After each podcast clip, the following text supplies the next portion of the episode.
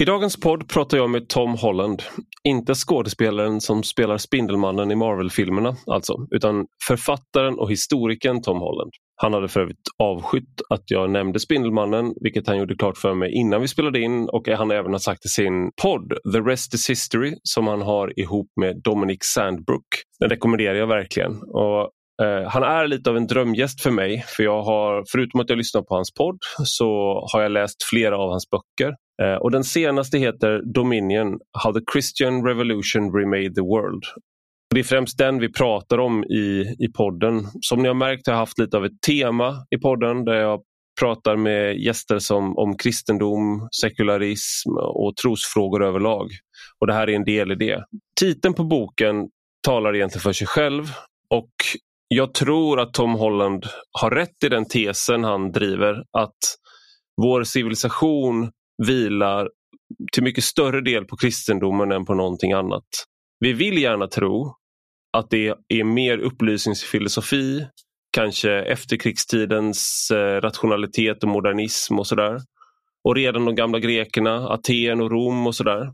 Men frågar man Holland så har mycket av kritiken mot kristendomen ofta haft också en ganska kristen karaktär. Väldigt mycket med vår moral och vårt sätt att tänka på och se på varandra är formade av kristendomen snarare än någonting annat. Vi går in på det i, i podden. Vi pratar också om boken han skrev för tio år sedan om islam, In the shadow of the sword. Den blev också en dokumentär på Channel 4 med titeln Islam the untold story.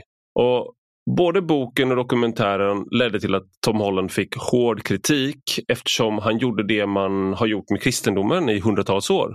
Det vill säga han letade efter historiska belägg för berättelsen i den heliga skriften, i det här fallet då Koranen. Han konstaterar också att de tidigaste källorna är skrivna ett par hundra år efter Muhammeds liv och att det mesta i berättelsen därför är omöjligt att belägga. Denna historiska beskrivning upplevde många muslimer då eller i alla fall tillräckligt många, som stötande. Han utsattes för mängder av dödshot eh, och han blev cancellerad som man säger nu för tiden. En visning för historiker fick ställas in av säkerhetsskäl. För Det man kan förstå är väl att, att studera Koranen det, det, ju, det, väl, det, finns ju inte en enda troende muslim som inte tror att Koranen är Guds ord. Och då att studera Koranen som vilken text som helst det verkar väldigt svårt att genomföra helt enkelt. Eh, det påstås ingenting stötande om islam i boken eller dokumentären. Men det här är också en förklaring då som vi är inne på sen också i poddarna. Det är en förklaring till varför så få försöker att studera den historiska Muhammed. Eller den, vad stämmer egentligen i Koranen? Vad stämmer i haditerna? Allt detta och mer till pratar vi om i dagens podd. Och om ni går in på ivararpi.substack.com så hittar ni länkarna till det vi pratar om där. Bland annat böckerna samt avsnitten i The Rest is History som nämns. Men nu till dagens gäst. Du lyssnar på Rak Höger med mig, Ivar Arpi.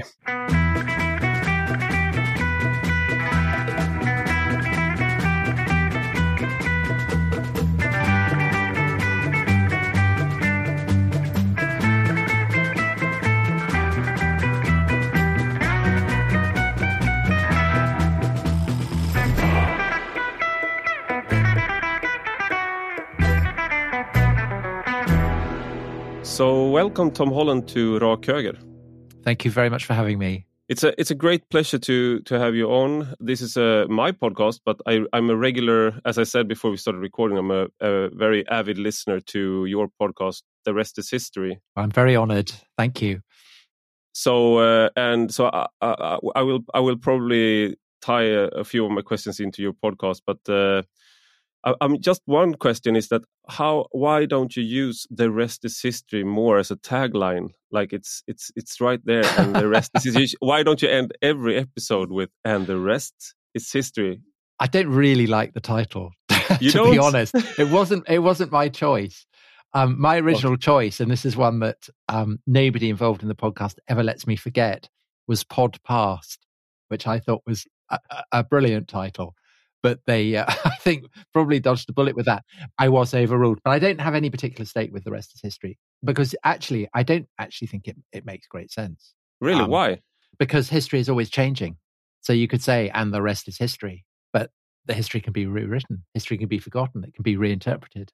Oh yeah, but uh, it's usually when you when you like tell a historical story or something and dramatized, and then you can end like instead of saying "and they lived happily ever after," uh, you can say "and the rest is history." It's like you're right. Probably we should use it more, but I, I will tr- maybe try and introduce it. I'll try and do it just for you. Yeah, Thank you. You do every time for me. Uh, but then you like it's a, the rest is politics is another podcast. But yeah, that, that doesn't make sense because that's not a that phrase in English at all.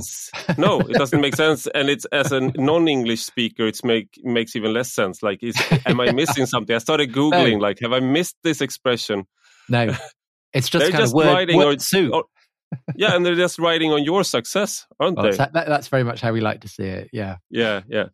I've read like your your last. I know you're you're writing a new book, so I've I've tried to get you on, but you've been an, a professional writer, writing your book and doing your podcast, uh, not having uh, time for. Sweet. So I'm very thankful that you had time for me today. But the the, the last book you wrote was Dominion, uh, yeah. and uh, and it's a very fascinating book. And I've had like I've had a theme on this podcast for a few months or a, a year or so discussing Christianity and secularism. But basically, what you show in your book is that Christianity upended the world as people uh, knew it in the in the ancient world. And and I think you said in I'm not sure if it was in a I think it was in a, in a recent podcast or a live show you had with um, about Christianity and, and uh, belief in God that you said that when you read the Bible as a child, you identified more with Pontius Pilate than with Jesus. yes, I did. Are you still in Camp Pilate, or have you, uh, or what made you what made you switch? Well, it was so I, I I loved the Bible as a child, but I loved anything that was about kind of the ancient world as a child. So I loved the Bible in the way that I loved, you know, reading about the Greek myths or uh, stories of early Rome or King Arthur or anything like that. Uh, and the awful truth is that I admired um, the ancient empires rather in the way that as an even younger boy I'd admire dinosaurs. They were they were mm. kind of big and fierce and glamorous and safely extinct, but I kind of adored them. And so it wasn't just Pontius Pilate. You know, it was Pharaoh, king of Babylon, king of Assyria, yeah. king of Persia. No. I love them all. They, I, they're all kind of great. Going around kicking sand yeah. in the faces of, um, you know, the children of Israel or whoever. Yeah, I just found them kind of more glamorous, really. And so I, I, I always slightly resented Christianity f- for coming along and spoiling all that. You know, I had an almost synesthetic sense of, of the ancient world that ancient Greece, ancient Rome, it had always been blue skies, lovely kind of marble pillars everywhere, people in togas having parties, loads of fun. And then a load mm. of dreary old Christians turn up and it immediately mm. starts raining and it's miserable yeah. and all you know lose the central heating and it's kind of just glum. Um, and basically I, I got that from the 18th century. I got that from the enlightenment. It was a, a kind of distorted echo of that. And as a child that's what i'd picked up. And hmm. i never really questioned it. It was just kind of background furniture really. It wasn't that i was writing about it or thinking about it particularly but I, I recognize that as an explanation for why I was more interested, say, in Caesar than I was in Jesus. Why I was more on the side of Pilate than I was of of the man standing before him. But then um, I I'd, I initially wanted to be a novelist, but then I I just kind of realized actually what what I was always interested in was history. That was kind of the it was the wellspring of my inspiration, and it was partly because it went back to my childhood. It was the things that I'd loved as a child, and maybe you just mm. have to write about you know it's it's the well springs of your childhood that determine the kind of writer you become as an adult perhaps anyway so i i wrote about rome i wrote about greece i wrote about persia yeah, and this is these books are also. I mean, these books are great as well. I mean, you bought Rubicon in two thousand and three, and then 2000, 2005 Persian Fire. Yeah. So uh, I, I, I, so you, yeah. And and my aim was was to try. I, I suppose because I was coming from novelist, you know, from having written an, as a novelist. But I wanted, insofar as it was possible, bearing in mind the, the paucity of the sources and, and the inevitable limitations of those, I wanted to try and get inside the mindset of all the ancient peoples that I was writing about so that people would see the world through Roman or Spartan or Persian or Athenian eyes. And I found doing that uh, quite a strain because the Romans or the Spartans. You know, doing that, it brought home to me how how alien they were, how frightening they were, and I, I just became increasingly kind of conscious of that, and therefore interested in how and why it was that um, actually the Romans weren't remotely, you know, our ancestors. You know, we may hmm. think that there may be kind of, uh, in certain ways, obvious parallels, but those parallels are not direct. And so I, I, I began to identify Christianity as the kind of the, the process of change that explained uh, why I was the way I was, why the society that I lived in was the way it was, and and why that society was so fundamentally different to the classical world that had existed before Christianity. And it was a kind of slow burning interest because it kind of took me time to adjust to the possibility that this might be what I what I thought about. But the third book of history I wrote, called Millennium in English, um, was about the the the eleventh century, which I think is the actually the great turning point. So in all kinds of ways, history doesn't change with the flicking of a light switch. Um, mm. Even after the conversion of Constantine, the world doesn't immediately become kind of Christian in the way that it, it, it does in the Middle Ages. And I, I, identified the 11th century as the period where I think things really do change and where the the world that we inhabit today gets its first great iteration. Because essentially, we live in a revolutionary society, I think, and what happens in the 11th century is the first great experience of revolution. And after that, we we in the West, we in the, in the Latin West, are set on a course that we've never really left. The Reformation, the Enlightenment, the French Revolution, it, what we're um, going through at the moment. Yeah. These are all iterations of what happened in the 11th century. And the 11th century, of course, in turn, is inconceivable without the, the initial primal Christian revolution. Yeah. So, what happened in the 11th century apart from the Vikings becoming Christian? well, I mean that's a that is absolutely a part of the story. A sense that um, uh, the Christian people are ceasing to be, in a way, I mean, confined to the Roman world, which, which of course initially they had been to. Um, right the way through the, the, the, Christian Roman period, there was a sense that Christianity was only for the Romans, uh, mm. or didn't oppose that, but but he was in a minority.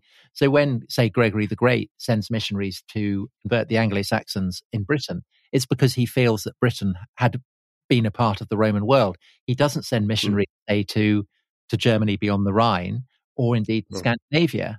Um, but it's when once the um, once the English have been converted, they don't have these hang-ups, and so they go off to convert. You know, they're Saxon, they feel Saxon, so they go off to convert the Saxons, and of mm. course, um, the Scandinavians come calling in yeah. Britain. So there's, there's that kind of process. Um, so by the 11th century, there's a sense that Christianity has has spread to, you know, the Scandinavian North Northlands, even to Iceland. Um, mm. That it's spreading eastwards as well um, to lands that the Caesars hadn't really known, and this coincides with an impulse that I think is very intimately associated with the consciousness of the first millennium. Um, a, a, a, you know, the book of Revelation, the, the, the year 1000, it has a kind of peculiar saliency. And even mm. though the church itself officially, following again in the footsteps of Augustine, doesn't want to acknowledge that the year 1000 had a literal meaning, nevertheless, I think that, that that experience of living through the millennial anniversary of Christ's birth and then death and resurrection focuses for, for the Christian people the idea that um, a great period of change is happening. And when Christ fails to to to come again um, in in 1033, a sense that Christendom has been given a chance to reform itself, to cleanse itself, to purify itself, becomes a kind of fever idea, both among radicals who are not part of the church, who are um, maybe wandering the wandering the roads or living as hermits or whatever, but also mm. in the upper echelons of the Roman church, the church in Rome. And there's a kind of alliance between those at the bottom, those at the top, which has as its goal the sense that not that, that just as an individual can be baptized and born again, so the whole of Christendom should be baptized and born again. That um, mm. the, the claim that earthly lords, kings, emperors, uh, chieftains, whatever, that they had a stake in the dimension of the supernatural, that they they can sway it, that this should be cleansed and that the church itself should take possession of it. This is it kind of derives again from Augustine, who's this titanic figure in the history of the church.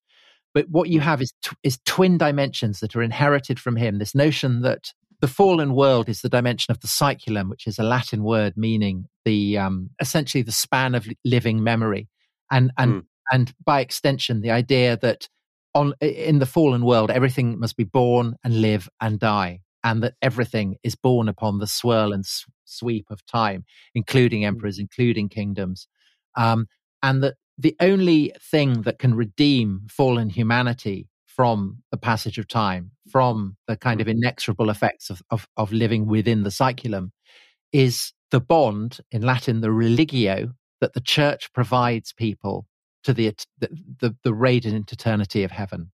And so this idea that you have twin dimensions, religio and saeculum, in the 11th century is weaponized by reformers in the church against against bishops who don't agree with this program, against kings and emperors, um, against the you know against large constituencies. But it's it proves so in, inspiring. People get so behind it, uh, you know, across the social spectrum, that by the middle of the 12th century, uh, effectively we have what could be called a revolution. And the medieval church, which you know Protestants people who, who, who, count themselves heirs of the Enlightenment, atheists, see the hmm. Catholic mm. Church as inherently reactionary roadblock against progress. Couldn't be further from the truth in the Middle Ages, certainly. It, it was the first great revolutionary institution, and it's marked by um, all kinds of expressions that we will recognize in subsequent periods. So, this is the period when universities are born. Uh, uh, universities emerge because in this new uh, world in which it's the church who is providing the Christian people with frameworks of justice, uh, frameworks of law, there's a need for intellectuals to work out what these laws should be and um, people to apply the laws and to hmm. interpret um, and you, and you also you also show I mean because the the the the regular dram- dramaturgy or or story about how how we became so enlightened and secular today uh, and, and, rational is that we at least this is a story in uh, in Sweden and in uh, many parts of uh, of the West at least uh, we um, freed ourselves uh, from the shackles of the of the church so to speak uh, right. We, right. we, we discovered uh, against the church's will, we discovered astronomy and Galileo right. Galilei, he fought the church. But you show in, in Dominion that actually many of the of of, of these uh, so uh, yeah uh, boneheaded Christians were actually thinking uh, they were not boneheaded. They were not boneheaded. No, no, exactly. No. You, you show you show that they actually thought that rationality and science were a way to some of them at least to discover God completely, completely. Yes, uh, yeah. And, and so over the course of the 12th century into the 13th century, universities have have got hold of copies of Aristotle both from Spain and from Constantinople, and they integrate it into the very fabric of the theology of the Roman Church. So reason is implanted at the absolute heart of the understanding of of, of what a Christian people should be thinking. And hmm. the universities come to provide this kind of cutting edge of radical readiness to reinterpret society that hmm. that leaves a lot of people behind. Uh, so just this morning, you mentioned the podcast I do. Um, we released the first in a, a three part series about uh, a, a, group of heretics who are misnamed the Cathars in the south of France, but who hmm essentially were were Christians who had been left behind by the radical and revolutionary movement of the Catholic Church of the Roman Church. Um, so they didn't, you know, consider themselves to be heretics, but because things had moved on so fast, they were viewed by the intellectuals and the elites in the Roman Church as as you know hopeless kind of deplorables who should all be slaughtered. And I guess you know a, a, a parallel that is not entirely tendentious because it arises, I think, from exactly the same impulse would be, say, mm. you know, people who've been to university having very radical views, say, on trans rights, and people mm. out in the countryside who haven't been to university thinking it's all nonsense. So, yeah. this, this this trend in which intellectuals seize the commanding heights of various institutions and force through ideas that to the vast mass of people initially seem ridiculous but then mm. in time they come to catch up with them. This is something that's born in the in the 12th century.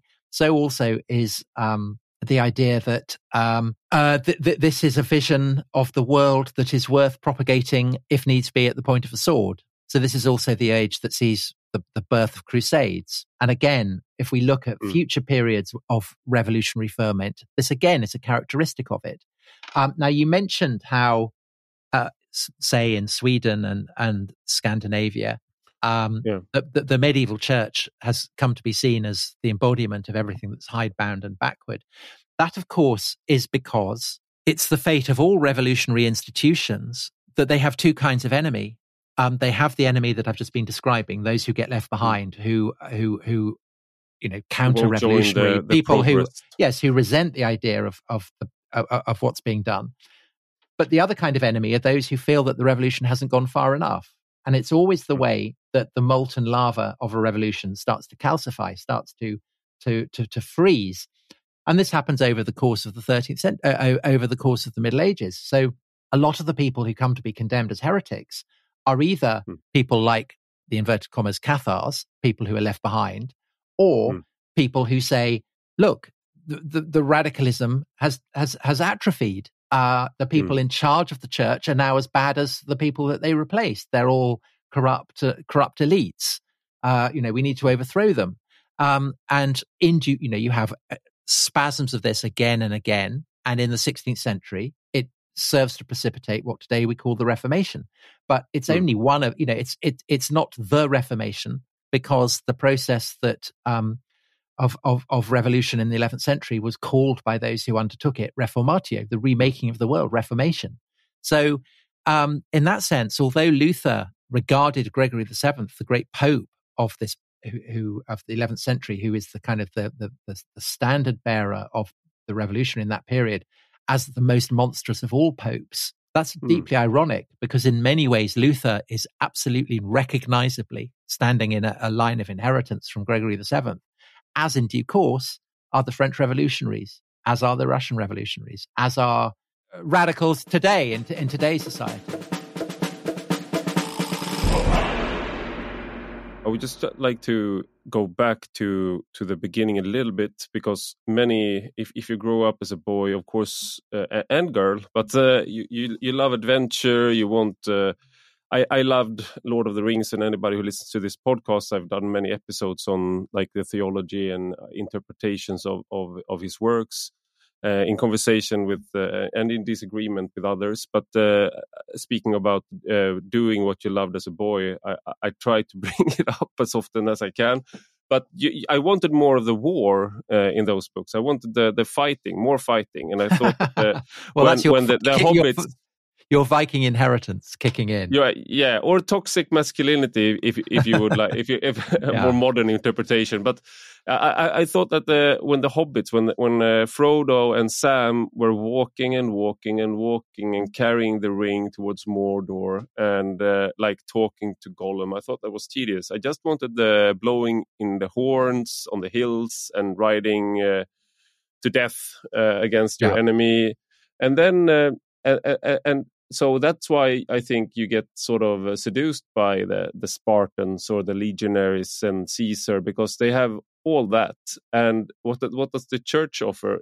The church offers martyrs, basically, or or uh, you could say they they offer the crusades or and stuff like that. But but but when you look at like uh, a movie like uh, 300, of, I know it's not a, a correct uh, historical movie, but it just sets the tone in, the beginning when they hold up a child and uh, yeah. and I think the narrator says who's uh, the, the, same actor who plays Faramir in Lord of the Rings by the way. Yeah. He says if the child was puny it was or or or or something uh, or sick it was discarded. And then they like show the whole yeah. like a bone boneyard like that's where they just throw the baby and yeah. they just leave them there. Uh, and of course it's not an actual showing but if you read about the Spartans or, or the Romans, you get they don't really they don't like weakness in the least. They don't celebrate weakness. Their, their, their martyrs were uh, not the same kind of martyrs that we mean. At least they, yeah. their heroes were not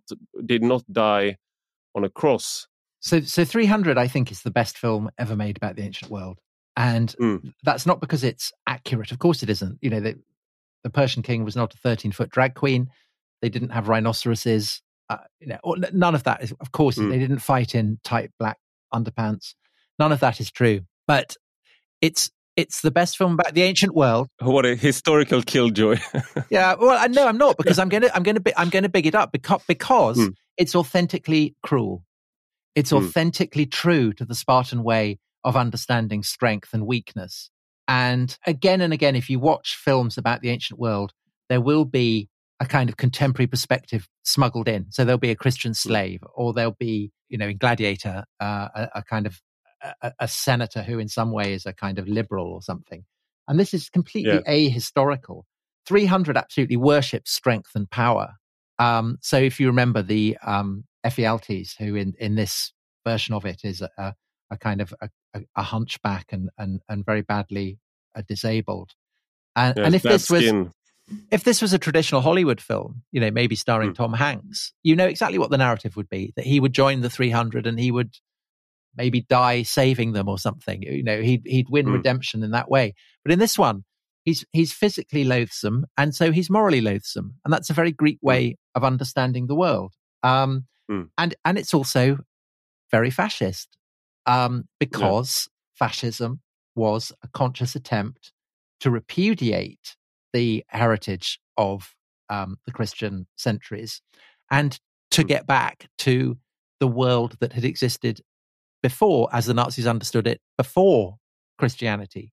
Um, and so that meant, as they saw it, repudiating the worship of weakness and slavery that they felt that Christianity enshrined and yeah. celebrating the strength and power and brutality um, and also, they were very, very keen, even as they look back to the pre-Christian world, they want they look forward to a future in which, again, Christianity would have been removed, and all would be a celebration of, you know, in the Darwinian sense of of power and glamour, both in the hmm. dimension mm. of of biology, but also in the in the field of technology. Um, so when you, you mentioned Tolkien, when I came to write about the Nazis in Dominion, I mean, it's an enormous subject.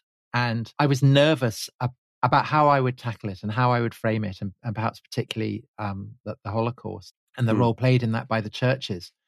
And actually, Tolkien seemed to me a brilliant way into it because I realized that, you know, he Tolkien said that Lord of the Rings was not an allegory. And so people have always been slightly nervous about placing it in its historical context. But he was yeah. writing that in the build up to the Second World War, through the Second World War, and then in the years that followed it, mm. um, mm.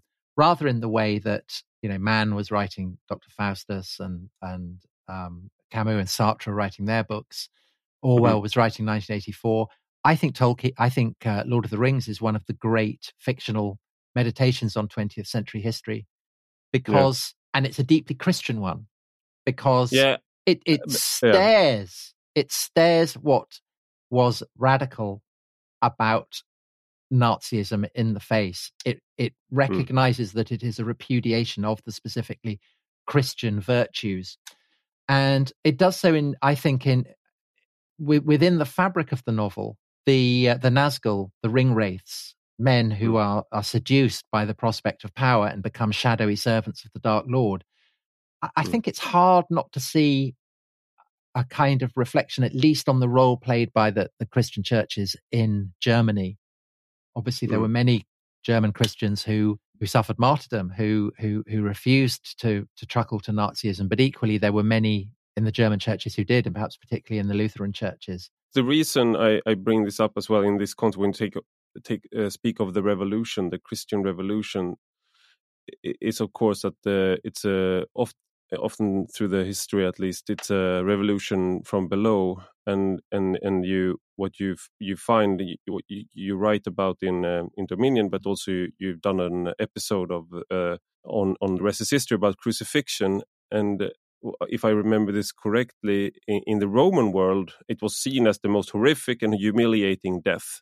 Yes and and, and for them of course it symbolized power uh, and it yes. symbolized power for the Christians as well, but in an opposite way.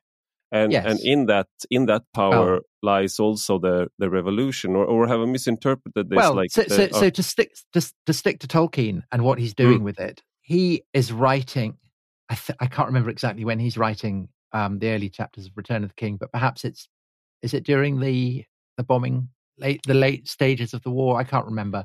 But anyway, it's yeah. kind of influenced by that. And obviously, the aim on the part of the Allies is the destruction of of Nazism, and that is an absolute moral good. It seems, and so therefore, the feeling is is that um, anything is justified. Um, mm. So, hence the firebombing of Hamburg and of Dresden and and so on. And Tolkien's son Christopher is in the RAF, so you know he's he's he's in the the military the the the the wing of the British Armed Forces that are doing this. And Tolkien writes to him and says, "This is a you know this is a terrible thing because essentially what we're doing is you know we're using the ring." Uh, mm. And so we may overthrow Sauron, but if we use the ring, we will merely replace him with another Sauron, um, which is mm. quite a radical position for a member, you know, for, for, for someone in, in Britain in the war to hold, I think.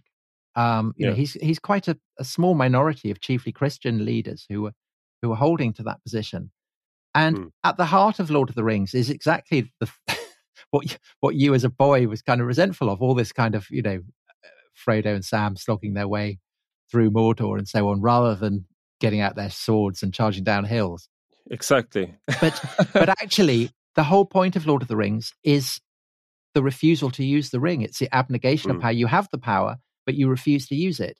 And mm. you know, as you as you'll know, the um, the destruction of Sauron happens on the 25th of March, which is the, Just the date supposedly of yeah the holiest date in the Christian calendar, mm-hmm. according to the early Middle Ages, when you know the period that Tolkien most loved, because hmm. that's mm. the, the the date when of the incarnation and of the crucifixion, and or is it the resurrection? I can't remember. I think it's maybe it's the resurrection, but it's I think it's yeah, it's the resurrection. It's the best day of the year, basically. But but it happens because Christ in, it becomes the model of self abnegation. He's God, but he becomes mortal and he surrenders to death.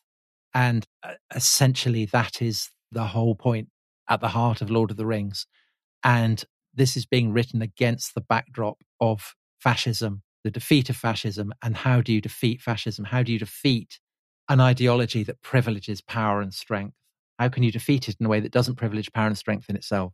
I mean, this is uh, we we have uh, for a long time. I mean, Nietzsche famously, uh, it's almost boring to say it now, but when he he uh, said that God is dead, he didn't say it triumphantly. He he described this as, as the dead God still uh, uh, continue to influence us and our way of thinking. And he was early in in in calling calling it, so to speak. I think maybe he was said it prematurely a little bit, or maybe he didn't. Uh, but it, at least I think it's very true today. And uh, how how can you uh, I mean, if Christianity was used as a way to defend the weak and the, the poor, and uh, of course, it's not only been used like that, but it's it's been like a call uh, to see in the, those these my little littlest of brothers uh, and to, to, to recognize the common humanity. And and now, if we left Christianity, or or at least we've left belief in Christ behind to a large degree in Western countries and even in the, in the United States more and more. Uh, uh have we also left the the defenses against uh, these other traditions where uh, where you don't when you you don't have that same morality when you have perhaps a more maybe we've paved the way for a, a more uh, fascistic or Darwinistic way of of viewing each other it's a very small question, isn't it? well, you you, you, you described the famous uh, parable that, that Nietzsche tells of of the death of God and the madman in the marketplace who proclaims it. Um, and in that parable, Nietzsche says that the corpse of God lies in the cave, uh, but will continue to cast shadows long after his death because it, the corpse mm. is of such an enormous size, kind of distorting Plato, I guess. And I think that that our, our, our memory of the Nazis is exactly that. It's a flickering of the corpse of God on the cave, because the, the, the question to ask about the Nazis is why are they the epitome of evil? You know, why why are they the epitome rather than Stalin or Mao or whoever? And I, I think the answer is that they, unlike unlike the communists who aim to overthrow institutional Christianity, but who embodied a number of very hardcore Christian ideas that the last should be first, um, that a millennial age will dawn where you know all is all is the New Jerusalem has basically has has come to earth.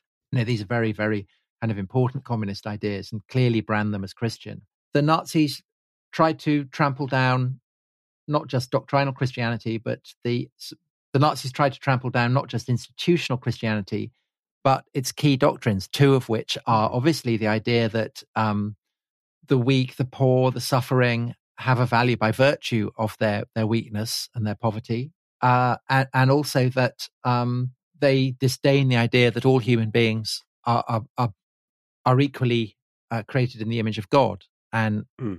share an inherent dignity by virtue of that fact. They discarded both of those. And that I think is why we look on them with with such horror. And the reason we look on them with such horror is because we retain our Christian instincts. Um, mm. And so I think that the Nazis, in many ways, have come to replace Scripture as the kind of the lodestar of our collective morality. We don't, in a way, you know, the, the, the whole mythology of of fascism and and and the defeat of fascism has become a, a mythology in the way that um, Christian notions of heaven and hell uh, offered a mythology. So Hitler is the devil, Auschwitz is hell. These are mm. mythologies that ha- uh, haunt us all. The question, of course, is the question that Nietzsche left hanging, which is um, what happens when the memory of that fades? Can we hmm. have mm. Christian values without Christian belief? And I, I, I, suspect probably not. I mean, or or at least we will have, you know, Christian Christian values will will remain a very, very long time because they're hardwired into the fabric of our society. But without the the framework provided by scripture or mm. or doctrine, they will start to mutate and, and go off in all kinds of strange, unexpected directions. I think uh, you're absolutely right about uh, Nazism and Hitler, and uh, we, we might not believe in God, but we believe in, in Hitler, and yeah. and uh, we know that we, we might not believe that Jesus was the son of God, but we for certainly know that Hitler was not. He, he was the son of some someone else, and and and we also know that hell exists because Auschwitz existed, and uh, and and that's as close uh, close an, an approximation of hell as as you could get, perhaps. Mm -hmm. But what does it do then to to a culture when we've lost faith in in perhaps in the good or in in light we we know then that hell exists and and is possible and we know that absolute evil exists. But it's like uh, it's like you you you you leave the the christian inheritance is uh, in half when you when you leave the the other parts. Well i i think i think compounding the challenge for us in the west is the fact that our global power is is massively shrinking, uh, and that's mm. particularly the case, of course, for Europe. But I think for the West generally, the great privilege that we in the West have had for what 200, 250 years is that mm. is that our our cultural supremacy has been so great that we've been able to assume that things that are actually very culturally contingent are somehow to be equated with universal human nature. Um, mm because that's the privilege of of of great powers. Uh, and so, you know, you saw that in the World Cup, uh, at Qatar. It, the, the assumption was that, say, you know, gay rights or women's rights or whatever, as as they have emer- as the understanding of them has emerged since the mm. 60s, are somehow universal, uh, hmm. and mm. that is not, you know, that's not what what what people in the West thought in the 60s, let alone what by and large over the past 1600 years, let alone what uh, over the past 1400 years people in the Islamic world have thought. And I think that that as Western power retreats, we're going to have to accept that actually things like human rights or sexual equality or gay rights or whatever are, are not simply universal values that we can argue for by saying, well, if you don't if you don't believe in them, then you're bigots. I mean, we may mm. think that, but that's not going to persuade people who would who can turn around and say, yeah, but that's your cultural position. You know, they're not universal; they're culturally conditioned. And mm. I hmm. think that, um, you know, even on something that that seems to most people in the West as basic as the secular, I mean, I kind of touched on that when we were talking about, about the 11th century. This idea that the world can be divided into twin dimensions that in the, in mm. the 11th century are, are couched in overtly theological terms. Today, we have notions that there is a space called the secular and that there are things called religions that should properly sit on the margins of the secular. And we hmm. assume mm. that that's just the way things are, that it's a kind of rule of, of, of society. But it isn't. It's, it's disguised theological proposition. It's a very, very Christian way of seeing the world. And again, you mm. can see that these were assumptions that people from the West in the colonial period just exported and took for granted. So mm. in India, the, the, the British imposed their idea that there is, you know, there are things called religions and that there's a space called the secular on yeah, they, India. they went around. Uh, yeah, they went around and, looking for holy books to, to exactly, to, and, they, and, uh, and and yeah. and looking for religions. So mm. it's the British who invent the idea that there's a religion called Hinduism. Um, mm. You know, there's no such thing in any Indian language before the British get there. And mm. when the British leave, India is proclaimed a, a, a secular republic. And hmm. the, the party, Congress, the party that rules India for, for decades after independence, very proud to define itself as secular. But you see, mm. with with Modi, the, the, current prime minister, and he articulates a, a, a notion called Hindutva, the idea that mm. uh, uh, Hinduness, the the mm. idea that um, there isn't something called Hinduism that is a religion that is separate from the secular, but that everything in India is somehow a part of this ancient inheritance of the divine, hmm. of the supernatural, that Hindus have had for centuries and centuries and centuries, and that's what he wants to see restored. Uh, mm. Likewise, in Turkey with with um, Erdogan, the same process is happening with Islam. That when hmm. Ataturk um, proclaimed Turkey a secular republic, he wasn't adopting a, a neutral position. He was consciously sure. westernizing. I mean, in that in, in on, on, that case, he was following the example of secular France of, of the laïcité in France.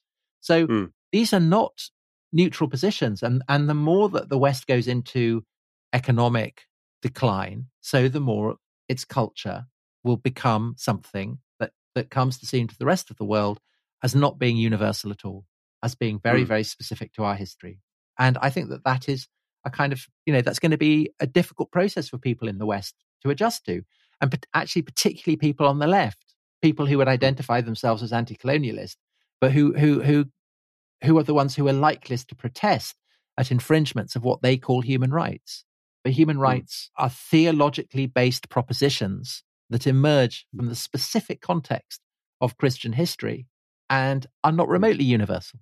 I think uh, it was Alasdair uh, MacIntyre who, in uh, his book After Virtue, he said that uh, at an abduction uh, dissection, nobody has ever found a human right. Of course not. And of course, uh, I remember having these discussions like 20 years ago, and I thought I was I was uh, coming up with something new as a 20 year old, feeling you you you think you're so smart. But, and but, uh, but it's a, and then you realize then you realize it's uh, first first you realize they don't exist was I think that was my my argument uh, but of course they do because it's an uh, agreement uh, that that, it, that they do exist so they have a social existence but at the same time, it, it can be it, it, it, to to question certain um, uh, certain things in our our societies today is uh, uh, equivalent of questioning uh, sacred tenets of a yeah. earlier period, so to speak. Right. If you, if you, I mean, I remember reading political science as a student. Uh, that's what's when I had this uh, genius idea that human rights didn't exist, and then almost every course I read uh, had a, a, democracy in it in one way or another. And I thought, like, what's happening here? We're not really studying democracy and how they work or not work. We're just like repeating. We're convincing ourselves about something here, and uh, and uh, still, if you have discussions about uh, politics, there are if you, if you say that you're against democracy in the West, at least, if if if that would be your something you actually said. Then uh, that's basically like proclaiming that you're a s- satanist uh, if you go back in, in, time. So in the middle ages you know there were there were there were councils. There were kind of the lateran councils held at the, the palace of the pope in in rome and these issued decrees on on doctrine that were catholicos universal. Mm. i mean that's what it means. Basically the the you know the the meeting that that established the Charter of the United Nations is was was was exactly the same thing. It was a formulation of doctrine that was established as being Catholic, as being universal, and of course, to, you know, to to, to question that is is yeah. heretical in exactly the hmm. way that questioning you know decrees from the various Lateran councils was heretical in the Middle Ages. And I think that perhaps I, I, I, bring it up because sometimes when you discuss these things and historical uh, theological like uh, one of my favorite theological disputes was uh, it, it, was and is about uh, how what substance Jesus is of. If is he of the exactly the same? Is the son ex, of the exact same substance as the father or of a similar substance and it's very hard when you when you uh, fast forward 1600 uh, or 1700 years to to understand why people were killing each other over that. But then you have questions now uh, about for example uh, what substance does an immigrant have and a native uh, have for example? Or what does a uh, we, we discuss and these are basically some part of it are have the same character as a theological discussion but of course we think it's a rational discussion because we wouldn't uh, we don't want to diminish ourselves. We think we are rational, so we discuss this in a rational, logical way. And uh, but well, I, I, feel think... very, I feel I feel a strong familiarity sometimes when you I... read these old uh, old theological debates. I think, I mean, I think the, the, the classic example of that is the debate over trans rights, and mm. there is a I don't know whether it's the same in Swedish, but there's very a slogan in English that trans women are women. It's the same and you know that is a theological proposition. Uh, there's no, yes. there's no objective evidence for it, but it but it is a a, a statement of doctrine that one has to hmm. subscribe mm. to, uh, and likewise the idea that people might be born into the wrong bodies is a very animist idea. It's the idea that there is a spirit that is separate from the body. So it's kind of very hmm. Platonist, mm. very Christian. But it's a recalibration of overtly theological ideas in a mm. way that is kind of radically discordant to traditional Christian teaching. Because, of course, mm. there is one idea that has been pretty fundamental in Christian teaching, and it's one that deri- you know is older than Christianity because it derives from Genesis, it's the idea that that man and woman were created separately. So the concern for trans rights would be inexplicable, I think, without the Christian concern for those who are marginalized, for those who mm. who historically have suffered. The idea that trans people have always been a marginalized people is a very, very important po- part of arguments from trans rights campaigners for, for, for social justice for them. But again, yeah. you know, that, that, that argument depends on Christian assumptions. At the same time, the argument that men and women, you know, that there is, that, that there's a continuum rather than a binary is radically unchristian. And so I think there you see a kind of classic example of the kind of mutation that perhaps Nietzsche was thinking about when he said that, you know, the shadows of God, it wouldn't exactly be God, but it would be a shadow and shadows flicker and distort and, and, and, and change. Um, mm. And I think that, that, that that's a kind of perfect example of what's happening. And I mean, just to uh, like one of the charges against the Albigensians or the Cathars that we were speaking about was that they they had a belief that there were two gods, and and it's been a well, or did they? Or did, or did they? they? Yeah, yeah. It's uh, the victors wrote history there. The rest is history. No, no, no, no, no, no, no. Because because actually, the, yeah. the, the victors kind of projected that. Well, listen, I'm not going to talk about it. L- listen to our podcast on it. It's fascinating. It's not at all what you might think.